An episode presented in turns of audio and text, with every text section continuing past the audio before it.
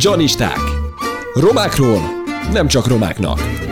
Egy műsor, ami nem megy cigányútra, de rátalál művészekre, tudósokra, közéleti szereplőkre és mindazokra, akik mertek nagyot álmodni. Janisták. A Hit Radio Roma magazin műsora.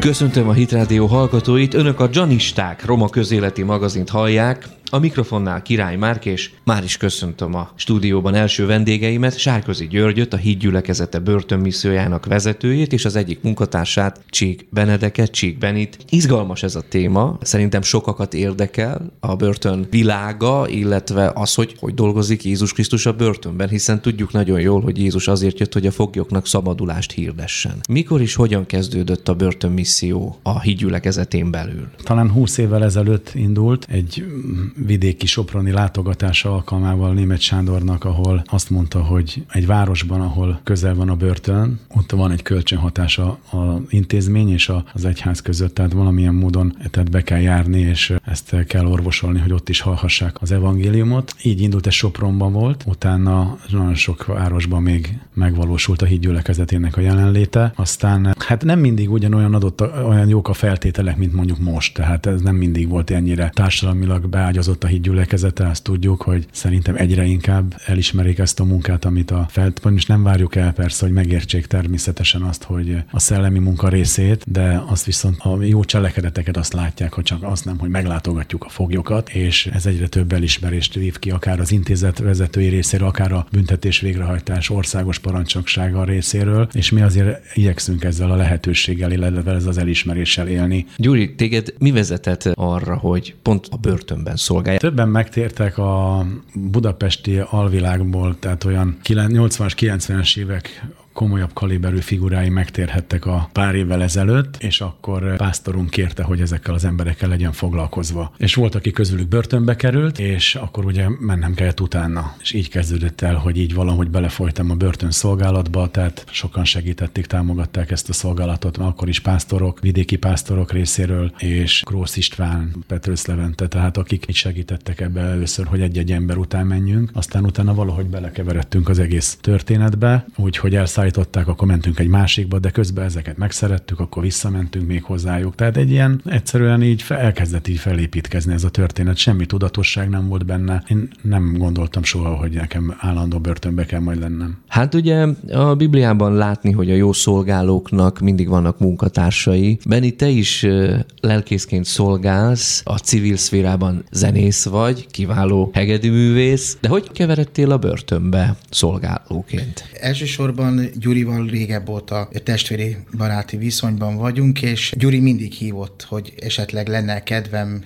vendégeskedni a szolgálatban. Uh-huh. Én megmondom őszintén, semmi motiváció nem volt ezen a szolgálati területen tevékenykednem. Én mindig nagy tisztelője voltam azoknak, hogy akik ezt a szolgálatot tudják végezni, mert valójában szembesülni a bűnnek áradatával jogilag is, és nem csak szellemileg, nem lelkileg és pszichésen is, az egy óriási feladat. És valóban nem mindenki ez a szolgálati terület, nem mint hogyha más szolgálati terület megragadható lenne emberi módon, de itt nem lehet időket próbálgatni. Tehát ez vagy valakié, vagy nem. Itt kell egy olyan mentális, pszichés, lelki erő is a szellemin túl, hogy az ember az adott körülményeket, látottakat el tudja hordozni. Most nekem volt egy ilyen negatív élményem. Jó tíz évvel ezelőtt egy koncertet adtunk az egyik börtönben, és valahogy annyira megnyomott engem, hogy én azt mondtam, hogy én imával, mindennel, amivel tudom támogatni, támogatom azokat, akik ezt végzik, de én ebben nem szeretnék részt venni. Aztán a, a Gyuri révén kaptam egy meghívást, pont épp egy vízkerestség volt az adott börtönben, ahol voltunk, és elmentem, és láttam, hogy emberek víztől, szellemtől újjászületnek a szemem előtt a börtönben. Tehát Isten ugyanazt a munkát végzi bent a börtön falai mögött, mint kint a szabadon, és ez úgy megragadta a szellememet, a szívemet. Ez egy olyan bizonság volt, hogy Istenem, hát ez fantasztikus. Fehér ruhába levetették a rabruhát, átöltöztek, és én ott a hegedűmmel dicsérhettem az urat, a Gyuri lehetőséget adott nekem erre is, és ott elkezdtük dicsérni az urat, és imádtuk az urat, magasztaltuk az urat, sok helyen muzsikáltam a világban, de ekkora megtiszteltetés, és ilyen öröm, és Igen. ilyen egyszerre nevettem, egyszerre folytak a könnyeim, nekem sehol nem, nem adatott még meg. Ezt komolyan mondom, hogy ott szolgálhattam, és azóta is szolgálhatom az urat. Könnyebb hirdetni az evangéliumot bent? Nyitottabbak az emberek? Vagy csak időtöltés az, hogy lemennek és meghallgatnak titeket? Mi a tapasztalat? Mikor a Jónás bekapja a cet, utána ő hálával sikolt fel Istenhez. Tehát egy olyan helyen, nem voltam még Bálna gyomrába, de azért van empátiám, hogy ott förtelmes lehet. És egy förtelmes helyről, tehát akár a börtönből, ami förtelmes hely, egy, egy inger szegény, egy keserű, a társadalomból kivetve, tehát az emberektől nem emberektől kitaszítva, viszont még aki nem tért meg, az meg az égből is ki van még akkor nincs befogadva, tehát ég és föld között van. Ilyen módon egy átkozott hely. Tehát egy olyasmi állapotban van a börtönbe egy ember, hogy nem kíváncsi rá senki, de ugyanakkor, amikor valaki fel, megismeri, hallja az evangéliumot, és semmilyen extra nincsen benne, hogy másképp kéne hirdetni, mint kint, tehát vagy a, a társadalomba, hogy semmilyen olyan különösebb valami technikát nem igényel, egyszerűen csak benne vagy hirdetni. Ez a hirdetésben én nem biztos vagyok benne, hogy nem kell, hogy valaki börtönviselt legyen ahhoz, hogy be tudjon menni a bőr az elítéltek közé. Épp elég az együttérzés, elég a, az a tűz, amivel az emberek ember egy életmentő szeretettel menni, hirdetni, hinni abban, hogy amit hirdetek az igaz, és, és utána látni ezt a gyümölcsöt, ahogy az emberek, mikor hálát adnak azért, mm. hogy börtönbe vannak, és amikor ilyet lát egy ember, ezek nem csak ilyen kiszólások, hanem hétről hétre elmondják nagyon sokan, hogy hálát adnak azért, hogy börtönbe vannak. Na ezeket már akkor kiköpi a cet. Mert látjuk az életükön, hogy azt, amit eddig tettek, azt megbánták, a bűnbocsánatot át tudják venni. Ugye nyilván az evangéliumnak leg, egyik legfontosabb hozadéka a bűnbocsánat, az extázis érzés, hogy meg van bocsátva minden bűnöm. Fantasztikus, elképesztő ezt átélni nap mint nap a börtönökbe, amerre járunk. Ez az Isten királyságának, a, a, a népének gyűjt, toborzásába veszünk részt ilyen módon. És ezt nem mondom, hogy a társadalomban ez nem folyik, ugyanezt csinálja német Sándor országos szinten, ti is Pécset, vagy mindenki a szűk helyén, vagy amerre jár. Nekünk nem mondom, csináljuk a börtönben, de csináljuk az, utc- az utcán is. Tehát ez nem, nem vagyunk ide beragadva, bebetonozva ebbe, hogy csak börtön. Így van. Gyuri, gyakorlatilag Magyarországon hány börtönbe szolgáltok jelenleg? 22 intézményben vagyunk, amik letöltendő ház, tehát itt már a tényleges büntetést töltik le. Itt az előzetes házakat nem számolom, mert az van, amelyikbe be tudunk menni, van, amelyikbe nem. 22 intézménybe járunk be rendszeresen, heti rendszerességgel. Mivel találkoztok, milyen kudarc élmények vannak a szolgálat során? Hogy mondjam úgy, hogy a küzdelem, hogy mi, milyen támadásokkal, vagy milyen nagy kihívásokkal találkozunk, mert tehát a kudarcot az szerintem abban lehet mérni, hogy akkor az elveszi az ember kedvét. A kudarcban benne van, hogy ez nem sikerült valami ilyesmi. Tehát nekünk erre nincsen időnk, hogy, hogy ott nyalakodjunk, mert valami nem sikerült, hanem ez a küzdelem része, hogy vannak akadályoztatások például, hogyha azért mindig figyelembe kell vennünk, hogy egy, egy, egy intézményben vagyunk, ahol az első és a legfontosabb dolog biztonság. Mi a intézetben vendégek vagyunk, és a, mint ilyen az intézet vezetőjének és a maga az intézeti szabályoknak megfelelően kell, hogy legyünk. Nyilván van egy keret megállapodásunk, ezeken belül tudunk mozogni, ami bőven elég nekünk egyébként, és vannak lelkészek, akik ott teljesítenek teljes idejű szolgálatot, és velük kell együtt mozognunk, együtt uh-huh. működnünk, és ezt azt merem mondani, hogy nagyon, nagyon jól működik. Tehát nem kudarcokat élünk meg, hanem inkább kihívásokat, tehát olyan, hogy a, az őrségtől nem várhatjuk el például, hogy értse azt, hogy mi mit, mit csinálunk. Azt, hogy mi ott hagytuk a családunkat vasárnap délelőtt azért, hogy Isten igét hirdethessük, emberekkel találkozhassunk, vagy egy kicsit, ahogy Pál mondja, hogy a lelkünket is megosszuk velük. Bibliában egyébként több ilyen börtönsztori van? József története. Egy elítélt, egy fogoly, akinek kilátása nincs a szabadulásra, utána király lesz. Tehát ez, ez üzenet, ez, elképesztő. ez, üzenet minden, mindenkinek, aki börtönben van, hogy király lesz, mert uraknak és királyoknak hív el minket Isten a messiási királyságba. Ez annyira magába hordozza ez a olyan mintát, ami meg fog valósulni, és hogyha ebbe ők is hisznek. Mi, mi akik ezt hirdetjük, mi az Isten igéje megcselekszi, amiért kiküldetett. Ezt azt látjuk, aki ezt meg, meg tudja ragadni, az utána már nem úgy emlékezik meg róla, mint hogy egy-egy szabadult elítélt testvérünk, vagy volt elítélt is beszámol erről, hogy nem is érezte, hogy börtön van. Egyébként csak még egy gondolat, hogy én nem szoktam érezni, hogy börtönbe szolgálok. Tehát nekem ez nem, tehát az, hogy bemegyek egy, mehetnék óvodába vagy árvaházba, ugyanaz. Szerintem ti janisták vagytok, kedves hallgatóink, hamarosan folytatjuk a zene után, maradjanak velünk. We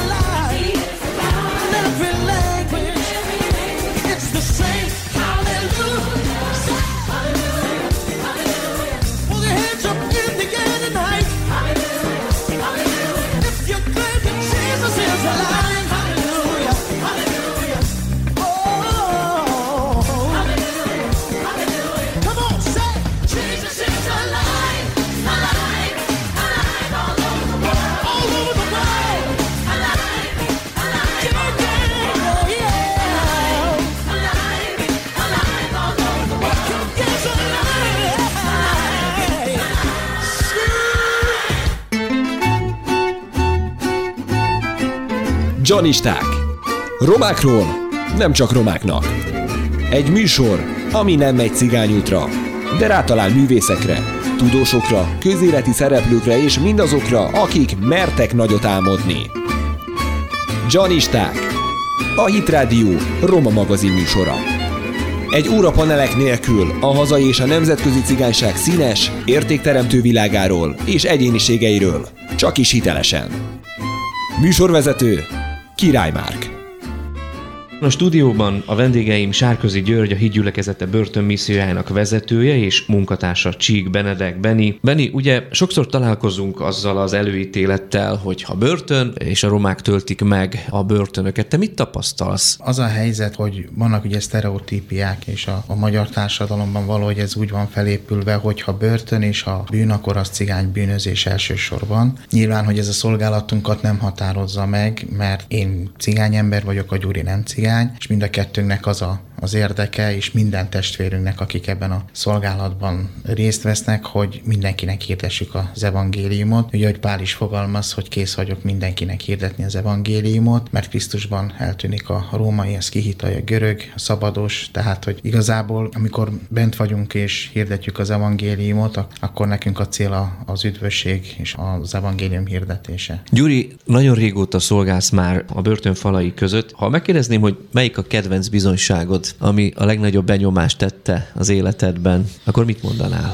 Hát a sok bizonyság van, de még az előbb el szerettem volna mondani a Benével kapcsolatban, amikor először jött be a Bené, és ő elmondta, hogy hol sírt, hol az öröm kettős akció volt benne, de én, én, úgy, én azt úgy láttam, hogy évek óta tusakodtunk azért, hogy lehessen vízáltali keresztelkedés. Maguk az elítéltek a Bibliából az igazságot be akarták tölteni, és akkor mi kérszünk az volt, hogy ezt valahogy az intézményen keresztül vigyük, és ott voltak olyan mondatok, hogy itt soha nem lesz vízkeresség, tehát ezek is az akadályok közé tartoznak, amiket az előbb említettünk, Igen. vagy akár kudarc is ilyen értelemben, de nem adtuk föl, és amikor úgy alakult, hogy a Benny tudott csatlakozni a csapathoz, akkor előtte már természetesen voltak dicséretek, mert úgy kell elképzelni, hogy hallgató kedvéért mondom, hogy, hogy rendes Isten tisztelet van, tehát dicsérettel, imákkal, ige hirdetéssel, gyógyulásokkal, szabadulásokkal, hát aki hídgyülekezetébe jár, az pontosan tudja, hogy hogyan működik. Lényeg, hogy amikor a Benny megjött, és ez a vízkeresség elkezdődött, hogy akkor azért volt egy olyan fajta áttörés is, hogy a, tehát a dicséretnek annyira fontos a, a dicséret, hogy tehát emlékszünk az Elizeusra történt eseményeknél, amikor énekest hívott, hogy tudjon profétálni. Tehát annyira kiáradt a Szentléleknek a kenete, az a vigasztalás, hogy ott azért azt lehetett tudni, hogy, hogy ez, ez elengedhetetlen. Ráadásul az, hogy a Benni roma származású, bár soha az életben én, én nekem eszembe nem jutott, hogy ki roma, ki nem roma. Tehát nyilván tőlem is kérdezték az arányokat, százalékos arányokat hivatalos szempontból uh-huh. is, de ezzel kapcsolatosan meg tudtam mondani, hogy, hogy hol van több, hol van kevesebb roma, de, de még, még rendesen gondolkodnom kellett ezen, hogy tényleg ő roma vagy nem roma. Tehát nincsen ilyen semmilyen, ez nem volt soha kérdés igazán, mert, mert emberek, mert jól fogadják hittel az igét, és, vagy az evangéliumot, és, és ez, ez egyáltalán nem, nem volt soha gond. De most, hogy a Benni, vagy ebben az esetben, amikor, amiről beszélek, megjelent, azért lehetett érezni, hogy egy, kaptak egy olyan megszólítást, mert nem csak hegedült a Benni, hanem prédikált is nekik. Tehát láttuk, hogy ennek van létjogosultsága jogosultsága, hogy együtt szolgáljunk, és azóta is most már nem egybe, hanem legalább három-négy intézménybe, vagy ötbe is talán, mert van, ahova nem rendszeresen, de van, ahova rendszeresen járunk együtt. Hát az a hegedű, mikor megszólal, szóval azért ez egy, ott úgy áttörje az atmoszférába egyszerűen a, azokat a nehézségeket, azokat a súlyokat, amik a szíven, a lélekre ráül, tehát az elképesztő, hogy micsoda öröm fakadott föl. Erre nem egy példa volt. És tehát a dicséret kenete abszolút jelen van az összejövetelen, és végzi a munkát a Szent Nagyon, szellem. igen. Ezt, tehát ezt is bizonyságként merem mondani, de a legnagyobb bizonság? Ugye az volt a kérdés. Igen. Inkább csak az lesz, hogy amelyik eszembe jut. Nem Aha. készültem erre a kérdésre, de akkor elmondom a legnagyobbat. Volt egy elítélt, akivel találkoztam, és ő 30 valahány éve volt már börtönbe, és olyan súlyos bűncselekményt követett el, ami miatt a büntetés végrehajtásban van olyan, hogy valakit a súlyos bűncselekmény, szerintem teljesen rendben van ez, úgy elrejtenek, hogy nem találkozhat emberekkel. Van egy speciális szakasz, azt mondják, hogy ez HSR az a neve, egy hosszú speciális rezsim, egy ilyen, olyan része a börtönnek, ahol nem keveredhetnek egy ilyen különleges bánásmódban részesülnek. Most nem az, hogy verik őket, vagy salakon futnak mezítláb, de egyszerűen... De a biztonsági fokozatot magasabb. Igen, de ez egy olyan, hogy ott inkább a, ott a büntetés valóban eléri a, Aha. vagy legalábbis most, hogy a célját, ezt én nem tudom, de nem vagyok ilyen kutató, de ez a részleg, ez, egy, ez, ez tényleg büntetés. De lényeg, hogy ő 30 éven keresztül nem tudott megtérni, pedig jártak hozzá, hirdették neki az evangéliumot, és 30 év után találkoztam vele egy másik börtönbe, ahol már nem, egy, nem ebbe a rezsimbe volt, és elmesélte a megtérése történetét, hogy 30 év után jutott bűnbánatra. Tehát ennyi idő kellett neki egyszerűen elképesztő, és akkor bocsánatot kért Jézus Krisztustól, hogy amit tett, egy tényleg borzasztó, bor, amit tett, az borzalmas, egy horror. És ott állt velem szembe az ember, és ezt elmesélte, hogy szólt és bocsánatot kért, és akkor érzett egy, hogy a zárkájába egy, egy fénycsóvát látott, és hát nyilván az ő elmondása szerint olyan melegség járta át, és az volt az első kér, kérése, mikor megismerhette az urat, hogy mehessen emberek közé. És itt találkoztam én vele egy pár napra erre, és betették azonnal, tehát megkapta, amit kért, betették emberek közé. Onnan lehetett tudni, mert nyilván a megterésnek vannak gyümölcse, és az egyik az volt az ő életében, hogy a bizonyára emlékeztek rá, hogy volt ez a nagyport felkavart bírósági ítéletek által pénzeket kértek a rossz rabtartásra való hivatkozással, Igen. és ő is kapott nyilván 30 év után itt ami hány 10 milliót, és ezt a sértetnek a családtagjainak elutalta ezt a pénzt. Appá. Tehát ez már azért egy gyümölcs volt. Milyen terveitek vannak? Van olyan célkitűzésetek, amit meg akartok valósítani a szolgálattal kapcsolatban, hogy még minőségibb legyen? Tudnátok erről mondani valamit? Mostanában egyre többet felmerül bennünk az a kérdés, hogy olyan elítéltek, akik bent a hídgyülekezetén keresztül megtérhetnek, megismerik az élő Istent, és vízáltal megkeresztelkednek, szellemmel is bemeríti őket Jézus Krisztus. Tehát eh, kiszabadulnak, és valami módon mégsem tudják fölvenni a ritmus, nem tudnak Krisztus testébe beépülni. Így a társadalomban se nagy valószínűséggel több ilyet látunk, és akkor fel kell tenni a kérdés, hogy ők miért kerülnek vissza, akkor ha visszakerülnek. Többet tudunk, akik igen, és sűrűn találkozunk ilyennel. Nem volt szakmája, nem volt munkája, nem kapott munkát, próbált egy-két helyen elhajtották. A gyülekezetbe nem akart, vagy nem tudott beilleszkedni. Ez most bármelyik lehet ezekből, és erre azt keressük azt a választ, hogy mi az, amit mi tudunk még adni azon kívül, hogyha valaki akar, és a mi üzenetünk mindig az számukra, hogy eh, mi várjuk őket kint, mi szeretnénk segíteni nekik abban, ahogyan a mi életünkben is ez volt a, a megtartó erő, a prédikált ige, és utána történtek a csodák, de ugyanakkor körülvettek minket olyan testvérek, olyan emberek, nekem például legalább 15-20 olyan ember van, olyan visszavonatlan érdeme van az életembe, a megtérésembe és az épülésbe, a munkahelytől kezdve a, a házasságig minden tekintetbe, szellemi módon és fizikai módon egyaránt, anyagi módon. Tehát eh, ezt én tudom pontosan, hogy ez mit jelent. És hogy ezt nem kell különösebben tanítani, erre nem kell egy programot csinálni, ez, ez szerintem működik. De akkor mi van a többivel? Hogy lehetne ezzel akár bármit csinálni? És nagyon keressük az urat ebben, hogy mi a vezetése rá, hogy van-e létjogosultsága esetleg egy menedékháznak, egy olyan Aha. programnak, ahol az embereknek munkát tudnánk, szakmát tudnánk tanítani, ahol az embereknek munkahelyet tudunk segíteni, tehát az elhelyezkedés az első lépésekbe, és az első lépésekben van az is, hogy nagyon soknak nincs hova mennie például. Családja fölmondja vele a kapcsolatot, bármi. Tehát annyi, annyi változatos, hogy mi minden történik. Hát ezek a terveink, hogy, hogy ezen a lábon is tudjon állni a szolgálat, és ezek egyelőre még a mi terveink. Nagyon várjuk, hogy az úr milyen beavatkozással fog ebbe a történetbe belépni, de már több vállalkozó megkeresett minket, aki nagyon szeretne ebben a mozgalomban részt venni, és most nem akarom kisajátítani az evangélium mozgalmat a börtönre, nehogy félreértés legyen. Hát ez, ez mindenhol zajlik. Tehát a börtönszolgálat nem csak a börtönben zajlik, ezt szeretném elmondani. Rengeteg kisegítő, olyan társaink vannak, tehát a, a művészek, sportolók, vállalkozók, jószívű emberek, akik, akik támogatják a És talán most a hallgatók között is egy csomó olyan van, aki imákkal támogatja ezt a szolgálatot, és ezt nagyon-nagyon érezzük. Mindenhonnan érezzük ezt a támogatást, tehát mi nem e, érezzük azt, hogy egy ilyen japán bozót vágó harcosok vagyunk, akik egyedül maradtunk ebbe a szolgálatba, hanem nagyon sok támogatást kapunk a vezetéstől, Sándor Pásztortól személyesen, és tényleg azt kell, hogy mondjam, hogy minden tekintetben ez a, ez a szolgálat most szárnyal, és ezt várjuk, hogy ez így is megy továbbra is. Hát ez őszintén sok sikert kívánunk, Beni. Te mit mondanál el még a börtön misszióval kapcsolatban? Hát ugye az előbbi témához még visszatérve, dicséretre szeretnék egy kicsit még rátérni, hogyha lehetséges lenne. Ugye Gyuri mondta, hogy milyen áldás az, hogy dicsérjük együtt az Urat, és én ugye említettem azt, hogy zenészként elég sok helyen muzsikáltam. Nyilván, hogy, hogy az Isten dicsérete az nem fellépés, és az nem feltétlenül elsősorban a, a profi zenének az interpretálása, hanem szívből kiáradó hálaadás. És ugye azt mondja az ige, hogy utolsó időben felépítem Dávidnak leomlott sátorát, és ez akkora áldás és olyan jó bizonyság, hogy, hogy az, ami az egyházon belül működik, és látjuk a híd gyülekezetében, hogy milyen fantasztikus dicséretünk van, és mennyire jó szolgálnak a testvérek a dicséret szolgálatában, be tudnak minket vinni Istennek a jelenlétébe. Olyan jó látni, hogy ugyanaz a kenet megjelenik egy ilyen elzárt, elszeparált világtól, emberektől, társadalom társadalomtól elszeparált helyen elkezdjük magasztalni az Isten dicséretét, és szó szerint ott megszűnik létezni a világ, és egyszerűen bekerülünk Istennek a jelenlétébe, hogy ott egyé válunk nem csak azokkal a testvérekkel, akik ott vannak, hanem ők velünk együtt egyé válunk Krisztussal, és nyilván, hogy egyé válunk az egyházzal. Tehát ilyen módon az egyháznak része a börtönben levő gyülekezetek. Mi gyülekezeteknek hívjuk ezeket a közösségeket, és hogy Sándor is egy prédikációjában fogalmazott, hogy hídgyülekezete három helyen van. Van a földön, van az örökkévalóságban, és van a mélységben, a börtönben. Tehát ez igaz, és ez óriási, óriási élmény, amikor például a dicséreten keresztül azonosulunk Krisztussal, ahogy mondja a Biblia, hogy én és a fiak és a gyermekek, akiket nekem adtál, együtt dicsérjük az igazak táborában az Urat. Hát szóval ez egy nagy áldás. Abszolút. Őszintén szívemből Isten áldását kívánom rátok, és erőt, védelmet, vezetést kívánunk továbbra, mert óriási vigasztalás sokaknak, akik bent vannak sajnos a, a börtönben. Tényleg úgy ragyogtok ott, mint a csillagok az égen. Ez jutott eszemben, amit a Kolossé levélben is ír. Az Úr áldjon meg benneteket. Köszönöm, Köszönöm hogy vendégeim voltatok. Köszönjük a meghívást. Köszönjük. Come on, say, turn it around,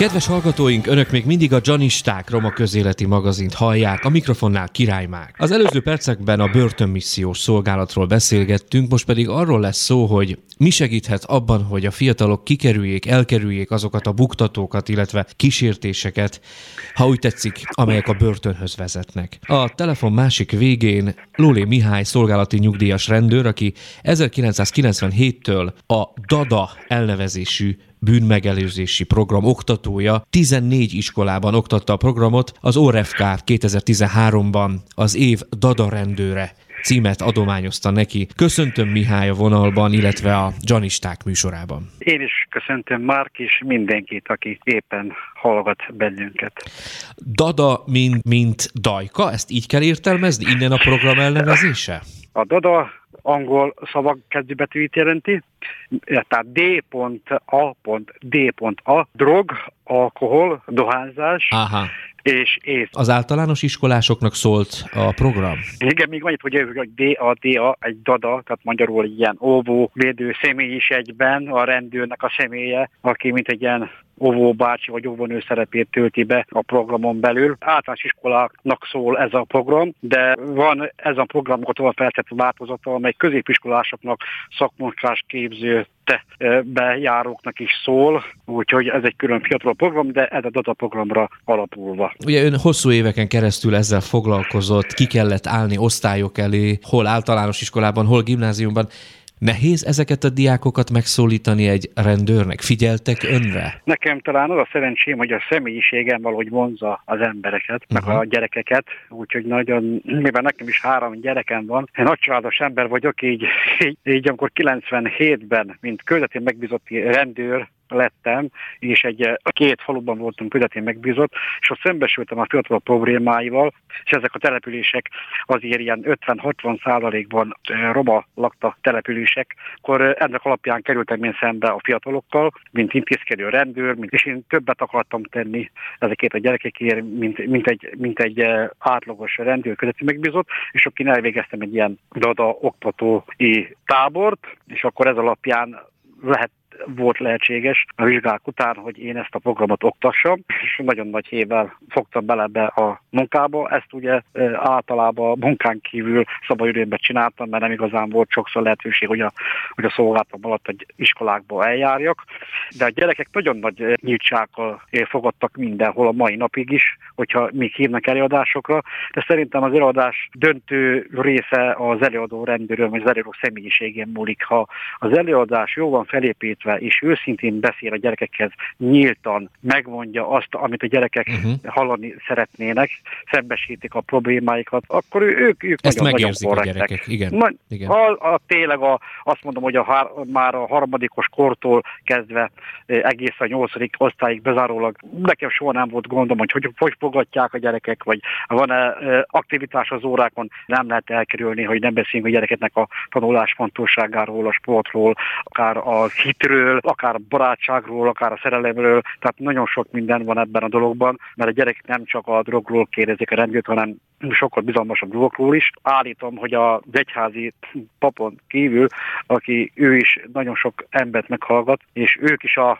a gonosz ellen harcolnak, meg a rendőrök is a gonoszság ellen harcolunk, és teszünk, hogy... Eh, Ez nagyon jó meglátás, így van. Csak van egy hitelesebb személy a rendőrnék, aki, aki nap mint nap szembesül, akár egy adott településen, akár a közé településeken, tehát ahova ő megjelenik, nagyon sok emberre találkozik, nagyon sok rossz dologgal, és ő el, első kézből tapasztalja, mi az, mi az a kártékonyság, mi az a szörnyen rossz eh, dolog, amit, a, amit az ember életét okozott tönketeszi, és az, az tapasztalja, hogy meg tudja, Igen. el tudja mondani ezeket a gyerekeknek. Van, amikor ilyen ijesztő módon, van, amikor azt kell, van, amikor tök közöpös módon, van, amikor színészkedni kell, de a gyerekek azért ezt befogadják. Értem. Mik ezek a veszélyek, amikre ki vannak téve a gyerekek? A legfontosabb és a legnagyobb veszély az, hogyha függőségbe kerülnek a szerrel kapcsolatosan. Tehát, Tehát a drog, a, illetve van, alkohol. Az legnagyobb veszélye. Például a barátságfüggőség, szerelemfüggőség, kapcsolatfüggőség, hmm, emberfüggőség, társfüggőség, szerfüggőség, játékfüggőség. Nagyon sok sok függőség a, a világon, de ami egy átlag gyereket azért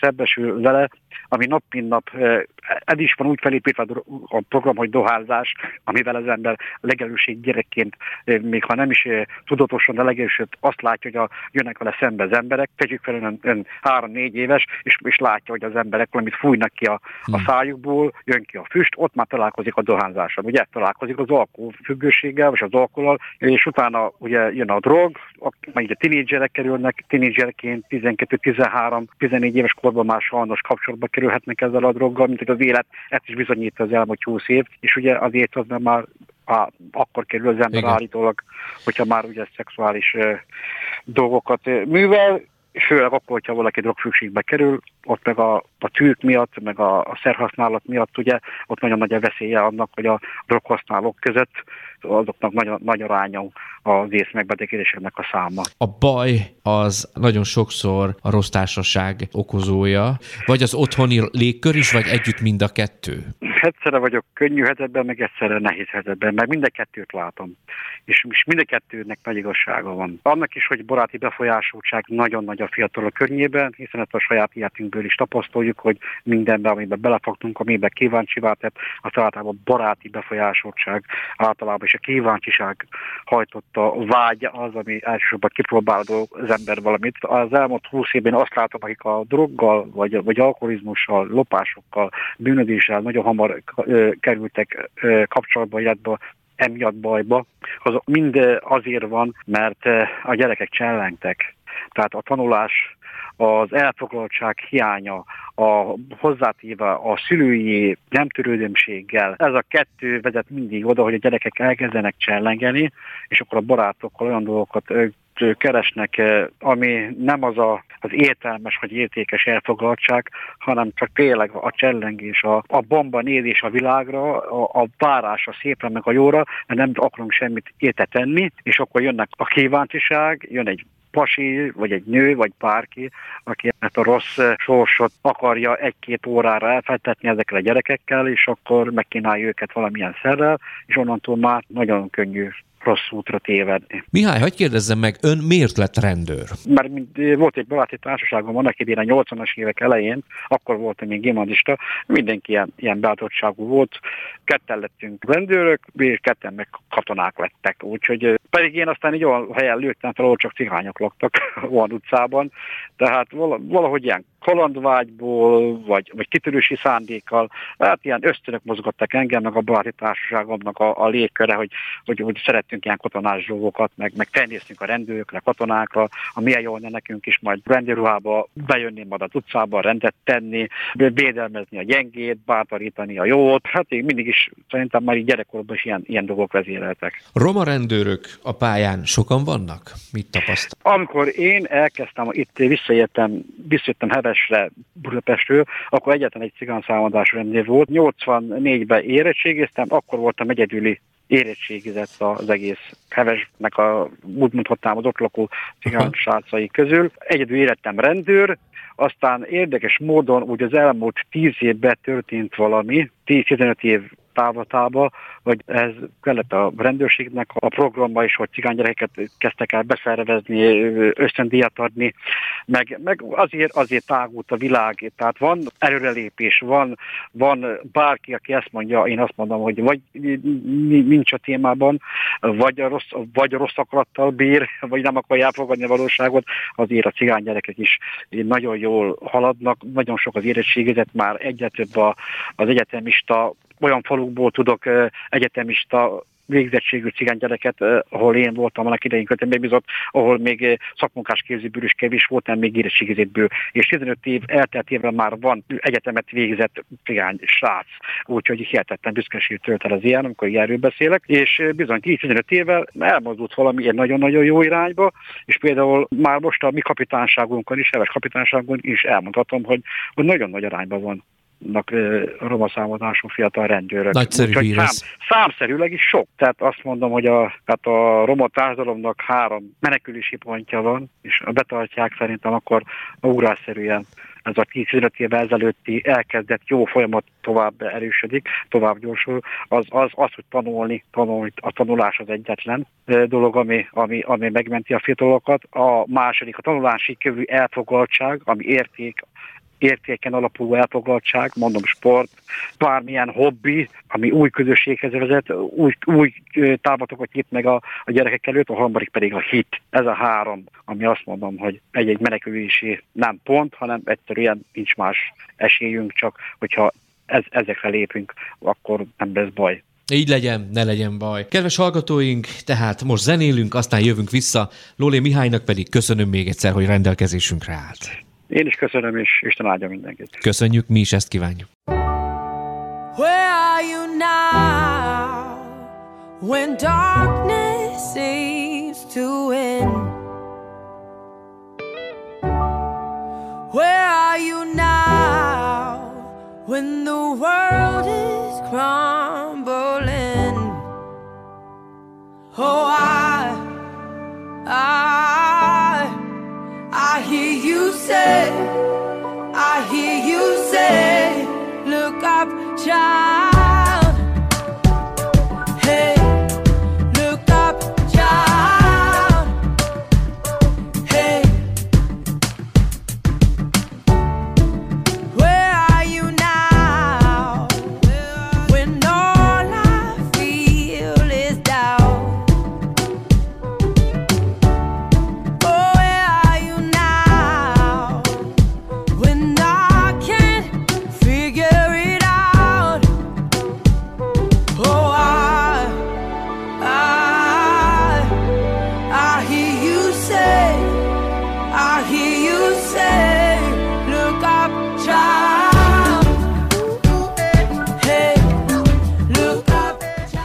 Kedves hallgatóink, folytatjuk műsorunkat. Önök még mindig a Janisták Roma közéleti magazint hallják. A vendégem Száva László, a Roma Magyar Híd Egyesület elnöke. Laci, nagy öröm számomra, hogy itt vagy velünk a Hit Rádióban. Sok civil szervezet tevékenykedik Magyarországon azért, hogy hidat képezzen a roma és a nem roma emberek között. Mit neveznél meg célkitűzésnek? Milyen céljaitok vannak? Először is nagy tisztelettel köszöntelek téged és a kedves hallgatókat. Hídépítés a kultúrák között, tehát a kulturális különbségekkel azt gondolom nincs probléma, de az ismeretlennel igen. Ha nem ismered a kultúrámat, félreértheted a rágálásomat, a szokásaimat, de mielőtt reflektálnék, pontosabban engedd meg, hogy megelőzzem, mi alapján, ha úgy tetszik, válogattam ki a munkatársaimat. A szakmai kompetenciák kiemelkedő fontosságú, különösen a halmozottan hátrányos fiatalokkal, emberekkel való foglalkozásnál. Több esetben találkoztam jóindulatú emberekkel. Halkan megszoktam magamba jegyezni, hogy a jó indulat önmagában kevés, empátia és szociális érzékenység, illetve tolerancia nélkül. Én nagyon fontosnak tartom, hogy a cigány ügyhöz, ha valaki hozzányúl, szívügye legyen. Fontosnak tartom a szakmai kompetenciát, nyilván külön-külön is lehet eredményeket produkálni, de ahhoz, hogy hosszú távú és sikeres legyen a cigányintegrálás, elkerülhetetlen a szívügy. Ez alapján választottam ki ezeket a kedves embereket, mivel úgy gondolom, hogy egyéni szinten is a változás útjára ráléptek, és fel tudják mutatni, hogy én itt voltam, ma pedig itt tartok. Ezek a személyek roma emberek, és egy személy viszont nem roma ember. Nagyon nagyra tartom, nagyon értékelem azokat a nem roma embereket, szakembereket, akik eh, támogatják a cigány integrálást, a, a cigányság fejlődését. Nagy tisztelőjük vagyok, és azért is gondoltam, hogy a névbe is meglegyen a maga üzenet, a roma-magyar híd, hogy valóságosan hidat építsünk a kultúrák között. Az egyik programunkban szerepel, az Egyesületünk programjához tartozik a Roma-Roma készfogás. Fontosnak tartom, hogy egy alapkonszenzus jön létre a roma ember és a másik roma ember között, mert a te nem tudunk összefogni, nem vagyunk egy hangon. Azt gondolom, hogy nagyon nehéz kifelé olyan támogatottságot kapni, ami valójában meg tudja lökni a, a tervünket. Egyébként az egyik fő célkitűzésetek az, az oktatás. A roma fiataloknak a példamutatás mennyire fontos véleményed szerint? Cigányság tekintélycentrikus nép, és azt gondolom, hogy nagyon fontos a jó példaértékű emberek, egyének bemutatása. Engedd meg, hogy mondjak egy konkrét példát. Egy Rafael József nevezeti úriember, aki körülbelül három hónapja keresett meg, és az előítéletek miatt fel akarta adni a tanulmányait, jogot végzett mára. Azzal keresett meg engem konkrétan, Laci, elegem van, nem tudom feldolgozni ezt a fajta megkülönböztetést, amit átélek. És volt egy rövidebb eszmecserénk, nevezhetnénk egy motivációs eszmecserének, ami által felbuzdult, és már elmondható, elvégezte. Ez nagy eredmény. Nagy eredmény. Nagyon fontos, hogy a fiataloknak helyreálljon az identitásuk. Fontosnak tartja az Egyesület, hogy olyan programokkal hívja be a fiatalokat, ami valójában megszólítja őket. Nagyon fontos fiatalokat megszólítani. A cigány családok körében nagyon fontos, hogy a szülő mit mutat be, különösen az apa. Én miért döntöttem úgy, hogy beülök az iskolapad mögé? Pontosan ez miatt, hogy példát mutassak a gyermekeimnek, nem azért, mert valami doktor bubó szeretnék lenni, hanem egy alapvető dolog, hogy kérhetem meg vagy hogy utasíthatnám rendre a gyermekemet, tanulj, ha én nem fogom kezembe a könyvet. Elvégeztem az érettségit, ami nem volt könnyű számomra. De nagyon fontos volt, hogy motiváljam önmagam. Nekem nem volt külön menedzserem, sajnos, de ahogy a, a Bibliát elkezdtem olvasni, magamra ismertem. A Biblia számomra egy tükör, és rádöbbentem, hogy hol hibáztam, mit rontottam el. Engem motivált a Biblia igazsága, mert minden ember azt tudja adni, amilyen van. És fontosnak tartottam, hogy elkezdjem az alapokról. Elvégeztem az érettségit, majd jelentkeztem a Szentpál Akadémiára, ahol tele vagyok élményekkel, és nagyon sokat adott nekem az akadémia. Én azt gondolom, hogy az emberi kapcsolataim felfejlődtek, megtanultam tanulni, és maga a tanár emberektől is talán nem is gondolnák, hogy mi mindent kaptam, ahogy felvezették az órákat, különösen engem tehát nagyon érdekesnek tartottam, hogy az egyház történelmet hogy lehet megközelíteni úgy, hogy tálalható legyen. És, és ahogy meghallgattam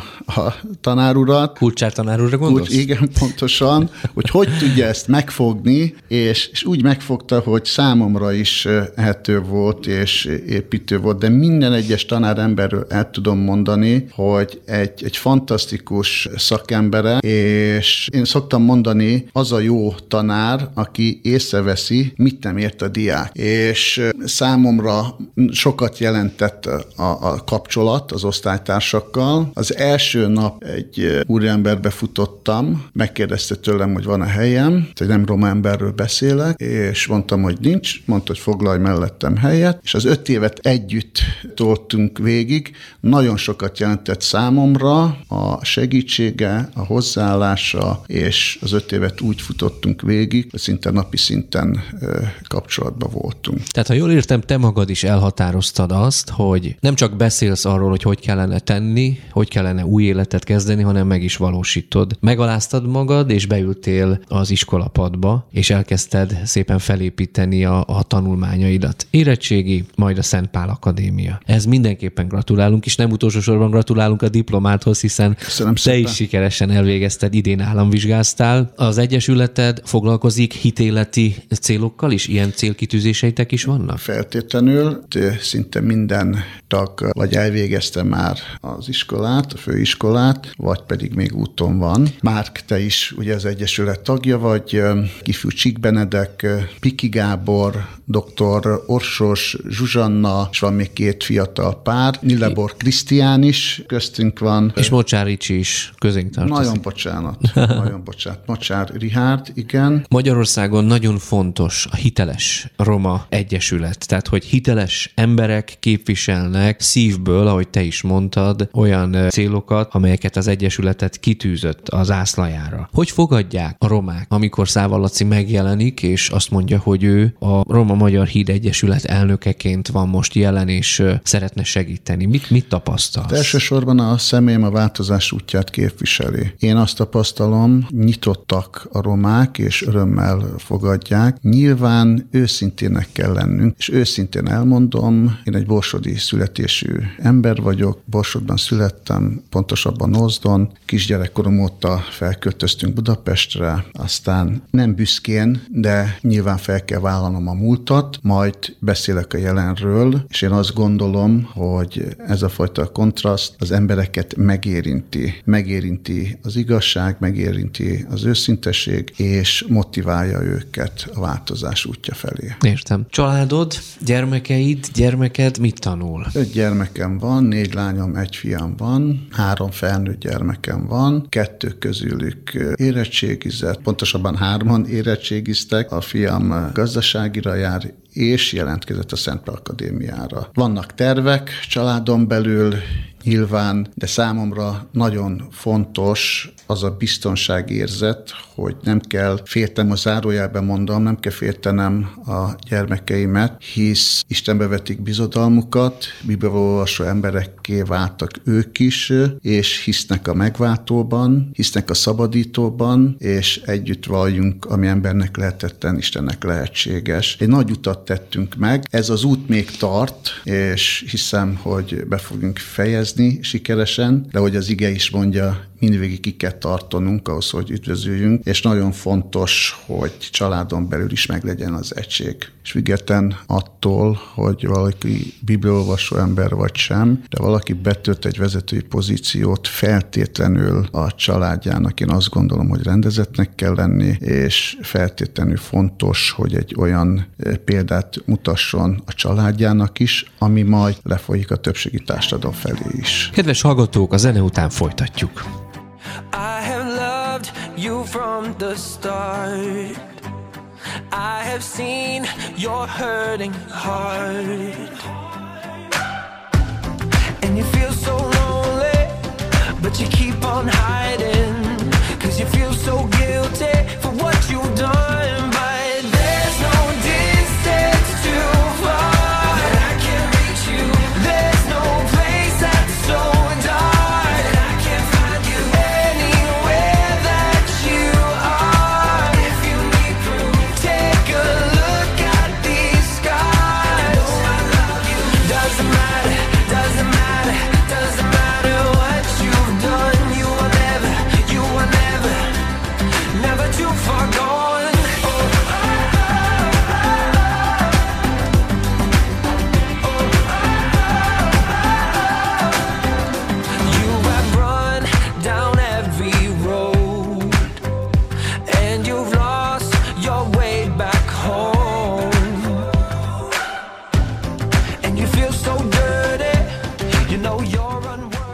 Kedves hallgatóink, folytatjuk műsorunkat. Önök még mindig a Janisták Roma közéleti magazint hallják. A vendégem Száva László, a Roma Magyar Híd Egyesület elnöke. Említetted a szakdolgozatodat. Ez engem nagyon érdekel, mert én is szakdolgozat eh, írás előtt vagyok. Mit választottál? Milyen témát? Szakdolgozatom címe a Roma Magyar Híd, ezt dolgoztam föl, és a sikeres ö, cigány integrálásról írtam. De nagyon fontosnak tartottam és tartom az identitászavar. Nem tudjunk, hogy kik vagyunk. Nincs ismeretünk, valós ismeretünk nincs, hogy honnét jöttünk, de a Biblia rámutat a legfontosabb részre, hogy hová megyünk. Ezáltal kialakulhat bennünk egy, egy egészséges identitás. Nagyon érdekes, a tíz parancsolat második kőtáblája így kezdődik, hogy tiszteld apádat és anyádat, hogy hosszú ideig élj azon a földön. Így van. De milyen föld? Ez az, ez az. Tehát ugye Aha. tudni illik, hogy a cigányságnak nincs földje, nincs hazája. De ez ad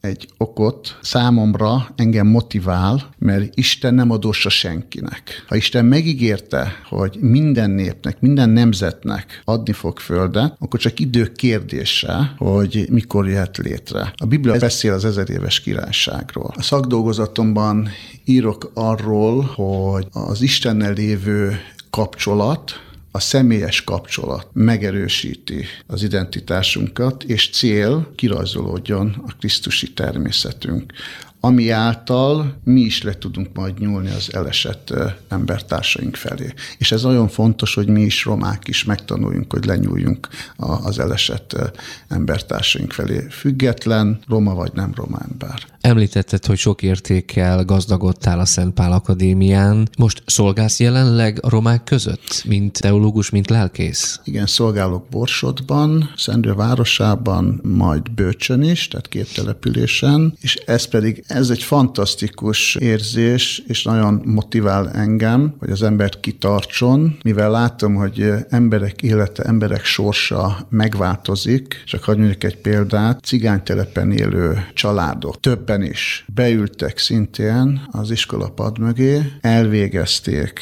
az érettségit, dolgoznak, helyreállt a család életük, az értékrendük, és követik Isten, és olyan nehéz sorsból sikerült kitörni ezeknek az embereknek, amire azt gondolom, hogy Isten segítsége nélkül biztos vagyok benne, hogy nem sikerült volna. Ezeket az embereket nem tartotta vissza a BTK.